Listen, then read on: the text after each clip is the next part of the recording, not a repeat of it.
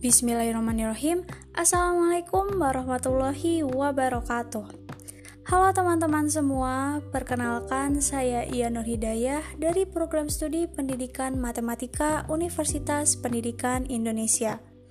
Pada kesempatan kali ini, saya membuat podcast untuk memenuhi tugas mata kuliah Pendidikan Kewarganegaraan. Nah, apa nih yang akan kita bicarakan di podcast kali ini? Ada yang tahu? Pasti tahu kan ya karena udah baca dari judul podcast ini. Yap, kita bakal membicarakan seputar dinamika pelaksanaan demokrasi di Indonesia. Tapi sebelum masuk mengenai dinamikanya itu sendiri, kita semua pasti udah gak asing lagi kan kalau dengar kata demokrasi. Dengan semboyannya yang sangat terkenal, yaitu dari rakyat, oleh rakyat, dan untuk rakyat. Yaitu dia, Demokrasi merupakan suatu pemerintahan dari rakyat, oleh rakyat, dan untuk rakyat. Nah, untuk Indonesia sendiri, Indonesia memakai demokrasi Pancasila, yang mana demokrasinya berdasarkan sila Pancasila yang dilihat sebagai suatu keseluruhan yang utuh. Oke, karena udah tahu demokrasi itu apa, kemudian demokrasi yang dipakai di Indonesia itu apa, kita langsung masuk aja nih ke pembahasan yang akan kita bahas mengenai dinamika pelaksanaan demokrasi di Indonesia.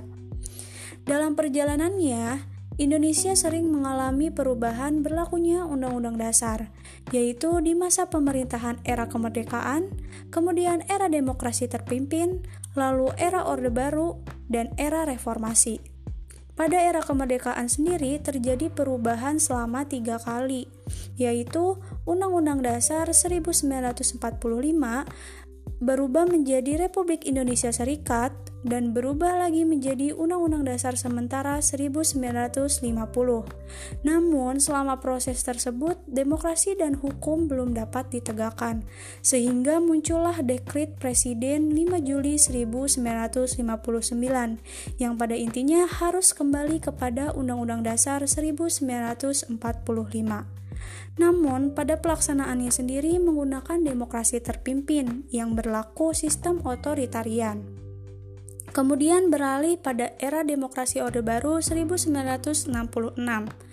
Pada era ini, rakyat dan pemerintah bekerja sama menjalankan pemerintahan yang demokratis dan menegakkan hukum dengan semboyannya kembali ke Undang-Undang Dasar 1945 dengan murni dan konsekuen yang mana pelaksanaannya dikenal dengan demokrasi Pancasila.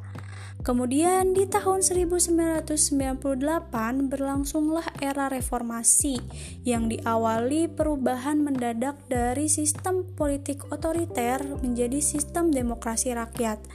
Pada saat pergantian kepemimpinan di bawah Presiden B.J. Habibie, sistem demokrasi berubah 180 derajat, di mana banyak sekali kebebasan seperti kebebasan membentuk partai-partai politik, lalu lembaga-lembaga perwakilan bebas berbicara.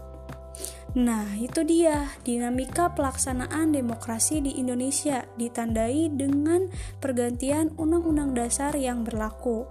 Namun, dengan sejalannya demokrasi itu, sampai saat ini masih banyak permasalahan yang datang dalam pencarian sistem Indonesia maupun jiwa para pemimpinnya.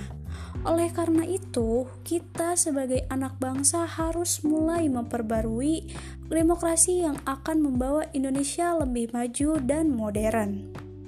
Oke teman-teman semua, gak kerasa nih kita udah membahas mengenai dinamika pelaksanaan demokrasi di Indonesia. Semoga pembahasan kali ini bermanfaat bagi kita semua. Sekian dari saya, jaga kesehatan, jangan sering keluar rumah. Kalau keluar rumah, jangan lupa protokol kesehatannya. Sampai jumpa, wassalamualaikum warahmatullahi wabarakatuh.